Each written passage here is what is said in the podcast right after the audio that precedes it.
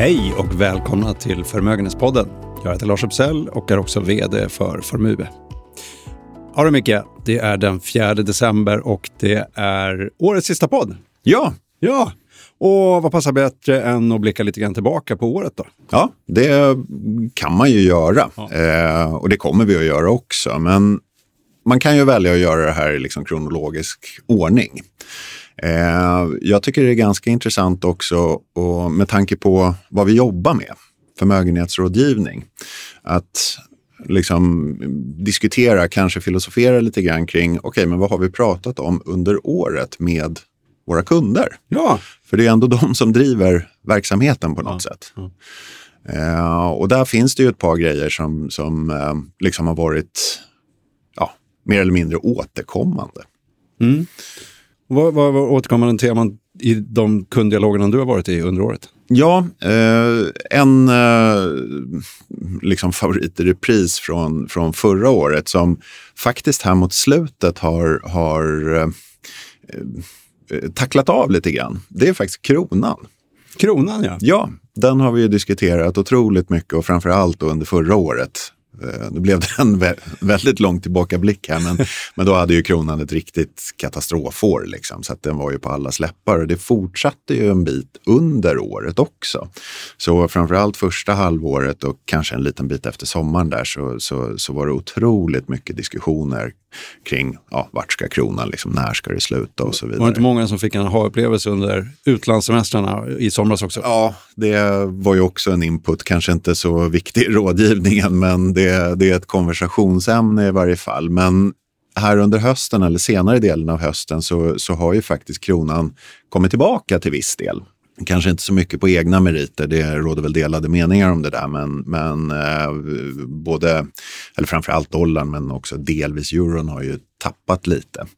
Eh, och i år, eh, förra året var det ju enorm skillnad på svenska aktier och globala aktier. Man fick ju i princip ja, plus minus noll, lite plus faktiskt i globala aktier förra året. Trots att de i lokal valuta då gick nästan 20 procent minus medan svenska aktier gick minus 22 förra året procent. Tack svenska kronan får vi säga. Ja, precis. Och det var ju liksom en ren valutaeffekt. Men eh, nu i år då så, så avkastningen i lokal valuta för globala aktier, den är ganska liksom frans balans med den avkastning man har fått i svenska kronor. Det vill säga svenska kronan har stått mer eller mindre stilla. Så det, det, det är en sån där liksom input från, från kunderna. De är väldigt, väldigt nyfikna på och nästan kräver att få veta vart, vart kronan, kronans framtid och, och det är ju eh, jag kanske den sista i världen som ska försöka svara på det. Men eh, det, det har ju varit en, en eh, klar där eh, input. Och en annan eh, sån här återkommande det är att humöret har varit lite sisådär under året Ja. hos, hos kunderna. Och det är delvis också, tror jag, en Och eftersläpning. nu av menar inte 22. du att de är, kommer in och är arga? Nej, nej, nej, nej, nej. Nej. nej utan snarare liksom osäkra och, och defensiva inför, inför framtiden. Eh, och som jag sa, det är nog delvis en eftersläpning av det som hände under förra året. Och så bar man med sig den känslan in i 2023. Eh, så det har varit eh, väldigt mycket sådär att ja men verkligen ska vi, ska vi investera i någonting som har risk? Det ser ju väldigt osäkert ut och, och fullt befogat skulle jag vilja säga för att om vi börjar att titta tillbaka lite på, på året så gick vi ju faktiskt in i 2023 med en rejäl recessionsdiskussion. Det var ju i princip garanterat att det skulle bli en, en kraftig recession. Ja. Det, det, var liksom, det var där vi började. Världens mest väntade. Ja, exakt. Som ja, med facit i hand och ännu inte har kommit. Men, men vi kanske kommer tillbaka lite till det. Sen blev det ju i mars också sådär, det känns som en evighet sen. Men då small det ju banker till höger och vänster, framför allt i USA. Och det var ju en ganska stor negativ grej att det blev den här bankkrisen. Och, och nu har vi ju nästan glömt bort det, men Credit Suisse gick ju putten i Europa. Och det var ju ingen liten bank Nej, det är en av de 30 största liksom, och systemkritiska. Så att sentimentet eller humöret har varit liksom ganska så, jag ska inte säga helt nedslaget, men, men lite moloket eh, under, under året. Och sen då när den här bankkrisen då avvärjdes eller ebbade ut eller vad vi ska kalla det för, då började ju räntorna stiga. Och sen mm. från april fram till slutet av oktober så var det ju liksom bara en riktning på räntorna och det var uppåt. Ja. Och det såklart, liksom centralbankerna följde med, det var styrräntehöjningar, bostadsräntorna gick upp och så vidare. Och så, vidare. så det har varit liksom ett, ett ganska liksom, ja, men halvnegativt sentiment mm. i diskussionerna. Att, att liksom framtiden ser väldigt, väldigt osäker ut och, och, man är försiktig helt enkelt. Det har funnits ganska mycket mörka moln under det här året. Ja. Kanske alltid finns det, men det känns som det har varit lite mer. Ja, och jag tror också att när, när det har varit en sån där liksom, episod som 2022 då, eller förra året där, där allt gick ner, spelade ingen roll vad det var, liksom, eh, då, då, då är det lätt liksom, att måla eh, den där eh, tvetungade figuren på väggen. Mm. Eh, och det är ju det som är på något sätt paradoxen med 2023, för avkastningsmässigt så har det varit ett fantastiskt år. Ja, det har varit det. Men ganska speciellt för att en stor del av årets avkastning kom ju under första månaden. Ja. Ja, nej, men sen det har svängt lite fram och tillbaka. Så ja, okej, okay, du, du, du har en valid point där, skulle jag vilja säga. Och sen hade vi ju nu här under november då också ett så här liksom monstermånad på ja. både aktier och räntor. Och det är ju klart att det räddar en, en del av, av eh, det här resultatet. Men som det ligger nu då i början av december så har du fått ja, 15-16 procent på globala aktier. Det är ändå två årsavkastningar. Det är hyggligt.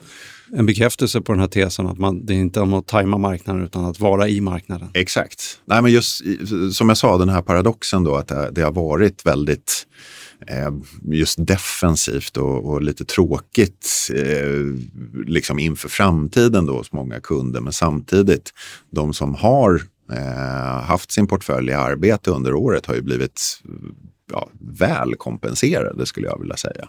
Svenska aktier mm, som vi tenderar ju att fokusera på lite mer och i Sverige, ja men någonstans runt 10 procent. Det är också uppåt 50 procent mer än vad man kan förvänta sig ett enskilt år. Mm. Liksom. Eh, räntesidan har väl varit lite av en besvikelse, för där tror jag många, inklusive vi själva, gick in i året med att ja, men nu finns det ju liksom förutsättningar eller möjligheter för räntor att prestera lite grann. För att 2022 då, det var ju liksom ett ja, nukleärt år för räntor. Det var ju en krater liksom när vi summerade det året. Och eh, tyvärr då, eller under stora delar av året så fortsatte ju räntorna upp. Nu har vi haft en liten rörelse tillbaka neråt då, för den var väl kanske lite för eh, stor eller överdriven den där rörelsen uppåt. Men eh, du har ändå fått lite beroende på, på ränteslag då, så har du ju fått någonstans mellan liksom 2 och 5, kanske 6 procent. Vilket är helt okej okay för, för att vara räntor. Eh, men med risk för att upprepa tidigare misstag då, så skulle jag vilja hävda att 2024, där ser förutsättningarna för räntor liksom klart hyggliga ut. Men du, tillbaka till den här sentiment eller eh, kundernas humör. Mm. Jag upplever att det har varit en liten skillnad sedan sommaren och upp under hösten. Är det någonting som du känner igen eller det, har vi olika bild? Mm, ja, jag, återigen, det är väl först nu här på slutet. Eh, kanske då med november i, i färskt minne som, som eh, det har lättat upp lite grann. Eller mm. det, det, det är inte ensidigt liksom frågor kring, okej, okay, vad kan gå fel? Framöver utan även frågor, har vi några positiva saker i det här mm. också? Eh, men återigen, det, det, det har varit ja, lite så här eh, dubbeläggat svärd under året då, mellan just den latenta negativiteten hos, hos kunderna faktiskt och eh, vad utfallet trots allt blev. För har du haft en någorlunda normal portfölj med vad vet jag, 30, 40, 50 procent aktier, lite räntor och lite alternativa så har du ju haft ett bra år i år. Ja, och det har varit ett händelserikt år, eh, även mm. hos oss på Formue. Mm. Kan ju nämna lite grann vad som har hänt hos oss. Ja. Eh, jag tänkte på, vi finns ju ett tredje land idag. Ja, precis. Danmark. Ja. Så inte bara Norge och Sverige, utan nu har vi ett, ett kontor i Köpenhamn. Mm. Och i och med den tillväxten som vi har haft så har vi gått över 400 anställda. Ja. Eh, över 150 miljarder i Förvaltat förvaltning och rådgivning. Mm. Ja. Så att det är ett händelserikt år. Men vi utvecklar ju mycket och sådär, men, men det som jag kanske tar med mig mest från det här året det är ju den här ISO 27001-certifieringen. Ja, icke att förglömma. Icke att förglömma, mm. vilket innebär att vi nu har varit igenom en audit och att vi har koll på säkerhetsaspekter mm. och framförallt då cybersäkerhet. Så det känns ja. ju bra inför framtiden med det geopolitiska läget, för det har ju mm. ökat markant de här cyberangreppsförsöken. Exakt, och det är ja, tyvärr så ligger ju de som begår den här typen av handlingar, de har ju en tendens att hela tiden ligga i framkant. Ja. Och då gäller det ju liksom att städa, städa framför egen dörr. Och eh, med tanke på hur data, eller hur viktigt data är idag, så ska man också ha koll på den. Ja, och det blir ju mer och mer data hela tiden. Mm. Ett händelserikt år på AI-sidan också. Det har ja. vi inte pratat om. Nej, Nej, och det, det, det är lite utanför min kärnkompetens skulle jag vilja säga. Men, men det, det, debatten fortsätter den där värsta hypen som var innan sommaren när, när liksom, ja.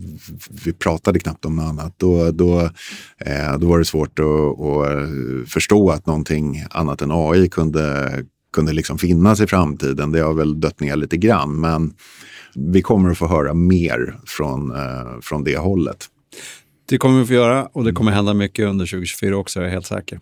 Oh ja, nej det... det eh, ja, jag vet inte ens var vi ska börja. Eh, en sak som, som eh, jag tänkte på lite, som vi kanske inte riktigt berörde under 2023 var ju just det här geopolitiska. Det har ju varit fortsatt stökigt i världen och det tror jag man får, det får man nog stencilera in för 2024 också. Men en liten egenhet som nästa år har, och det vet vi redan nu, det är valkalendern. Eh, och där går 63 procent av världens BNP till val. Så det är ett riktigt sånt där supervalår nästa år. Eh, och det ser ju marknaden jag vet inte om man ser fram emot det. Det, det är ett faktum i varje fall. Eh, och de kommer lite då och då de här åren när liksom stjärnorna står rätt eller fel beroende på var man står. Eh, där är det otroligt många val, varav såklart då det som kommer få största uppmärksamhet är presidentvalet i, i USA.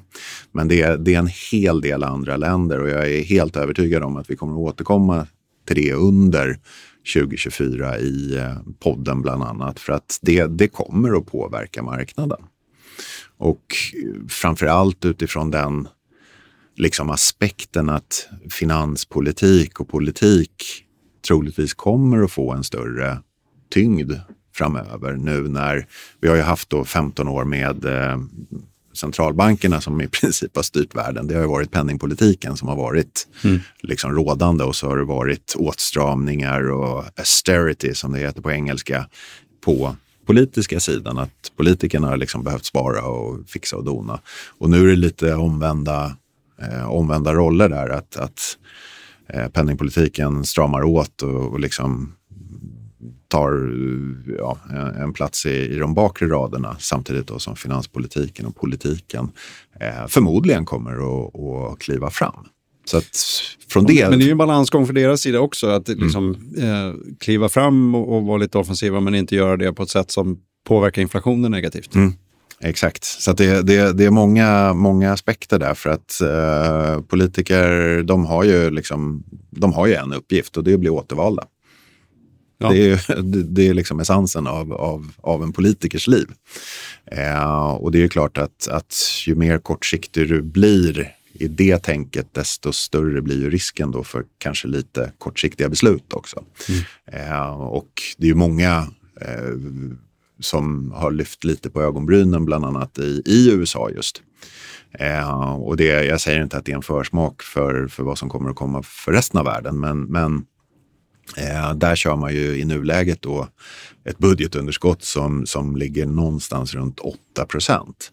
Och det är liksom det största budgetunderskottet som USA har haft eh, när det inte har varit depression och eller krig.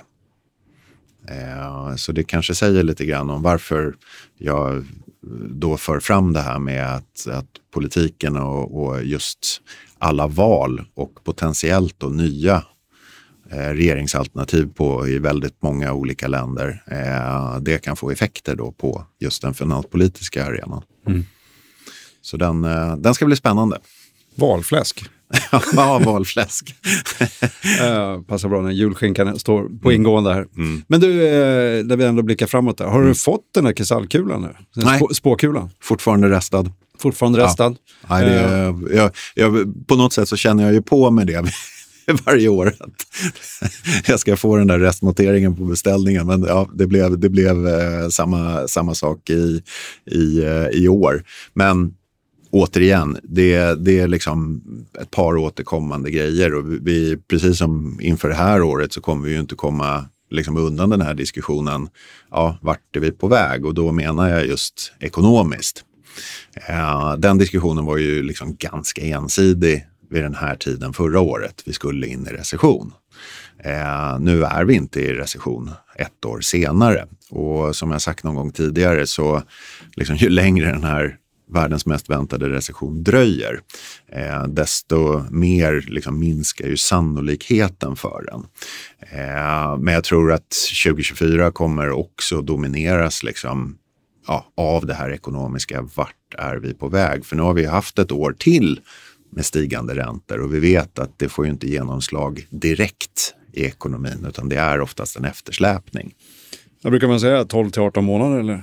Ja, eh, det, det gäller väl just styrräntorna. Alltså den tid det tar för dem att slå igenom. Men sen eh, eh, så ska ju liksom, ja, men konsumenter, bolag och så vidare anpassa sig till andra eh, liksom räntor än bara liksom de korta. Mm. Det är även de långa och det är framförallt de som har stigit i år. Mm. Så det, det, det kan bli spännande och jag, jag, tror, nu ska man inte komma med några sådana här eh, briljanta utsagor om framtiden, men eh, det kommer nog inte bli något liksom, år ekonomiskt nästa år.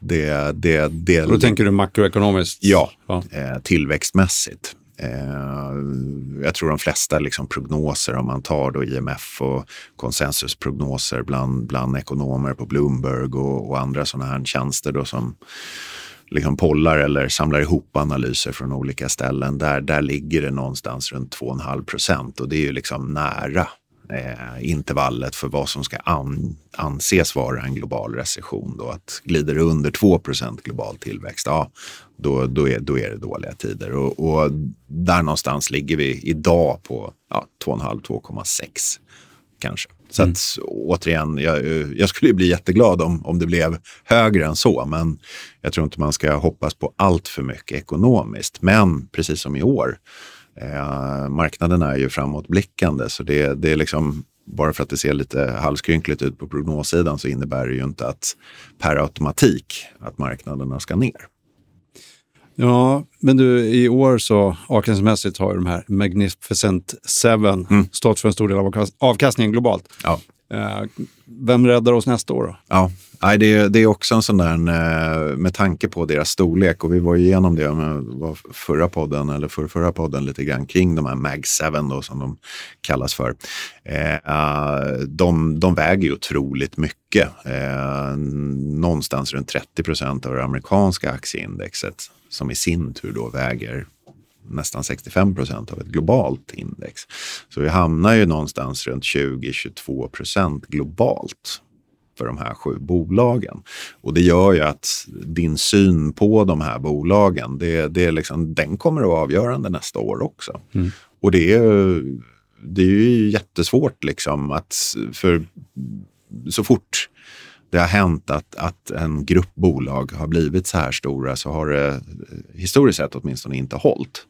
Men de här fortsätter ju bara. Mm. För det är ju inte så att de inte tjänar pengar. De tjänar liksom otroligt mycket pengar.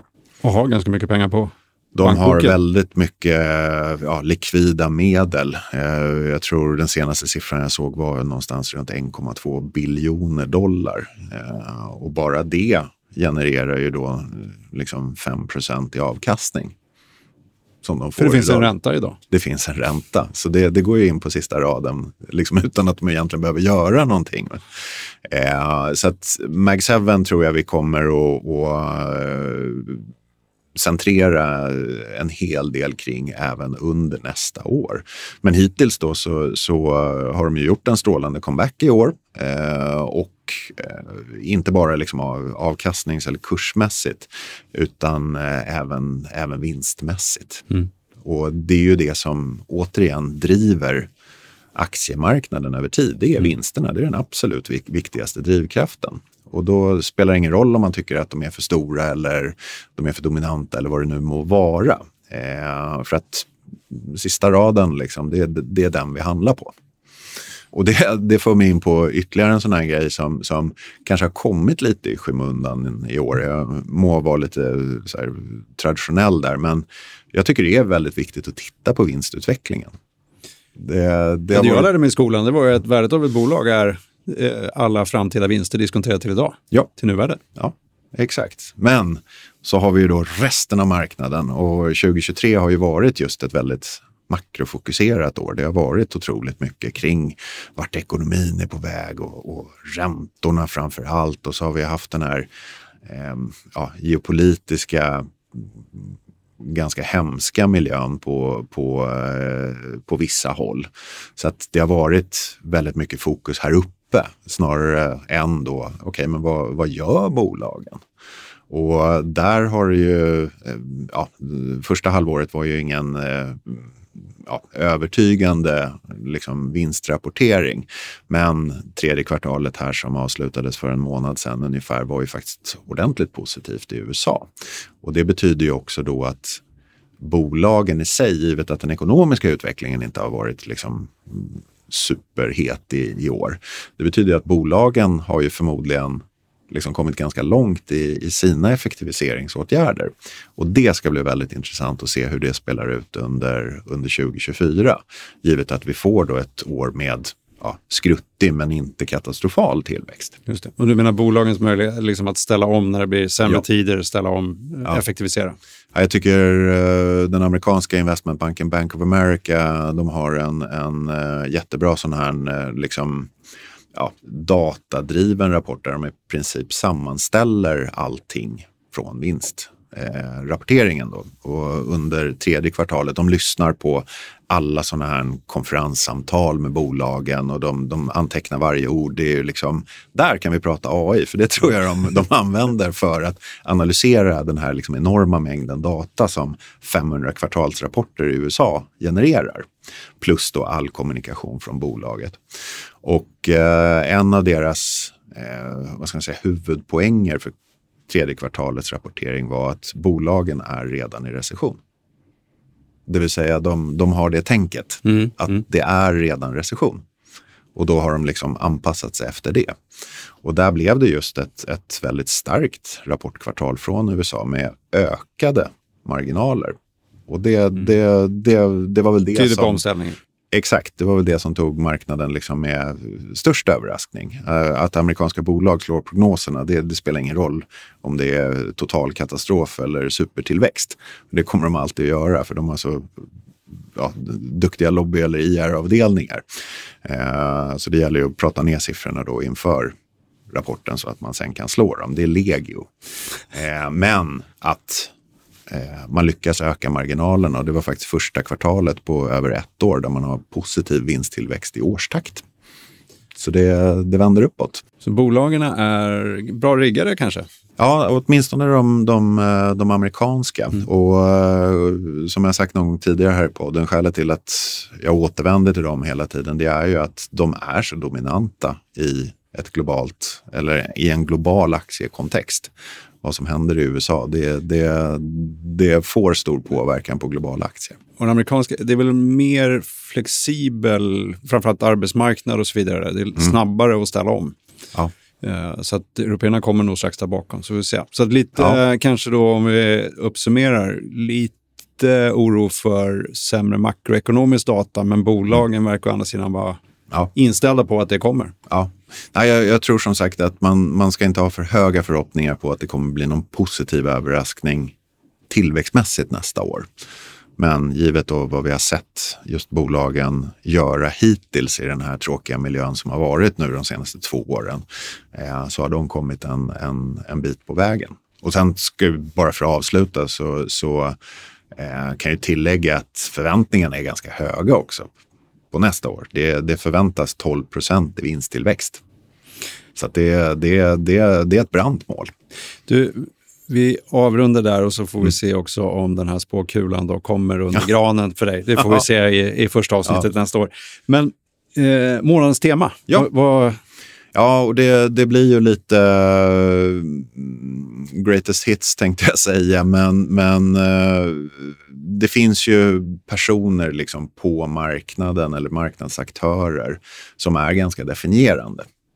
Det, det finns, ja, uh, vissa av dem står ut. Eh, av en eller annan anledning. Och eh, förra veckan då så, så avled Charlie Munger Eh, Eh, jag tror det var en månad före sin hundraårsdag. Eh, och det säger ju att han har varit med ett tag. Eh, och han är ju mest känd då som, som affärspartner till Warren Buffett och Berkshire Hathaway. Eh, och han, eh, han är också känd för, för ja, jag vet inte hur många volymer av roliga citat som, som, som han har kläckt ur sig. För det, det, vad det verkar, givet hur han kan behandla ord, så har han förmodligen ett ganska skarpt sinne.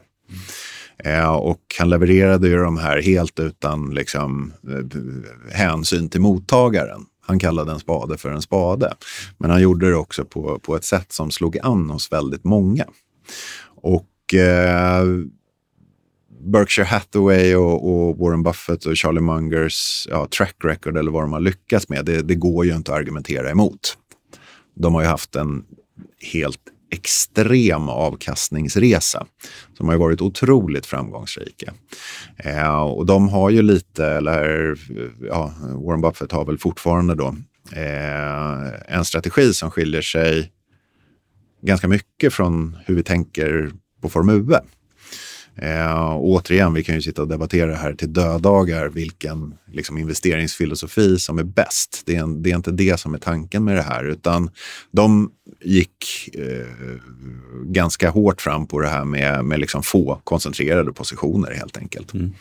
Eh, och blandat då med en viss dos av opportunism om det uppenbarade sig tillfällen. Vilket ja, med tanke på att de har varit aktiva då sedan 50-talet. Det har förmodligen kommit ett och annat tillfälle under den. Någon möjlighet har dykt upp. ja, precis. Och så har de agerat på det och bevisligen då så, så uh, var de ju liksom historiskt förmodligen det mest framgångsrika paret någonsin när det kommer till avkastning. Men det jag fokuserar på, och där skiljer vi oss inte jättemycket från dem i hur vi tänker i, i, uh, i vår investeringsfilosofi. Och det är liksom konsistenten och vikten av att ha en plan blir vid din läst. Eh, och det, eh, det var de otroligt dogmatiska med, att det här är liksom spåret vi kör på. Och förmodligen då väldigt, väldigt ödmjuka inför det faktum att det inte blev rätt alla gånger. För jag tror att de har gjort dåliga affärer också. Mm. Men jag tror att de var ganska duktiga på att dra liksom lärdomar så att de inte upprepade misstagen. Mm. Och det är någonting som vi försöker också föra fram i vår investeringsfilosofi. Vi bygger ju den väldigt mycket på diversifiering, men också vikten av att ha en plan och hålla sig till planen. Men de var väl också väldigt duktiga, jag tänkte på i finanskrisen, mm. liksom att vara, vad man ska kalla för contrarian, alltså gå emot ja. eh, när, när, magkänslan säger att man ja. inte ska köpa någonting utan bara ha alla pengar i handen. Ja. Så vågar de investera. Ja, Eh, och där har du ett av de mest berömda då, tillfällena som, mm. som eh, uppenbarade sig när eh, ja, bankerna i, i USA, framförallt investmentbankerna, då, de fick ju ganska stora problem i eh, spåren av, av finanskrisen och flera av dem fick ju eh, liksom bailas ut helt enkelt. Det här TARP-paketet mm. och allt vad det var. Eh, Goldman Sachs valde ju en liten annan väg. Eh, i den eh, vevan. Och de, de ringde ju Warren Buffett. Hej, kan vi få låna pengar? så att han köpte ju, eh, jag tror det var 10 miljarder dollar eller någonting sånt där. Som, ja, då fick han ju en bit av Goldman Sachs helt enkelt. Mm. Eh, för de behövde likviditet. Och han hade inga problem att äga Goldman Sachs. Och eh, sen, jag har inte tittat upp siffrorna, men jag misstänker att han, de har ju gått ur den positionen sen dess. Eh, men det blev nog en, en ganska bra affär och ett sånt här lysande exempel på att, att ja, vi, vi satt på torrt krut när det brann eh, precis överallt. Och så kom den här möjligheten och så gjorde de sig förmodligen en väldigt god hacka på, på den affären. Mm. Så det, det är fascinerande och, och, ja, inget är ju för evigt, det vet vi ju alla. Eh, men jag skulle vilja säga att Charlie Munger på något sätt, förutom då den här fantastiska resan för Berkshire Hathaways eh, aktieägare, så tar ju jag med mig ja, alla de här episkt roliga och träffsäkra citaten som, som han har kläckt ur sig.